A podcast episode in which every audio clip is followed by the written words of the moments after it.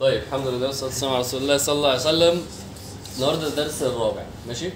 وإحنا واقفين آه عند يعني طبعا خدنا الأحداث التاريخية وال- والعالم كان متقسم إزاي والدول والروم والفرس وده اتكلمنا عنه وطبيعه العربي وال- والجزيرة العربية وده حاجات انت تعرفهاش دي. ودي كانت مهمة. بس بعد كده اتكلمنا بقى عن النبي صلى الله عليه وسلم. وخدنا النبي صلى الله عليه وسلم من أول قصة حياته من أول ما اتولد. خلاص؟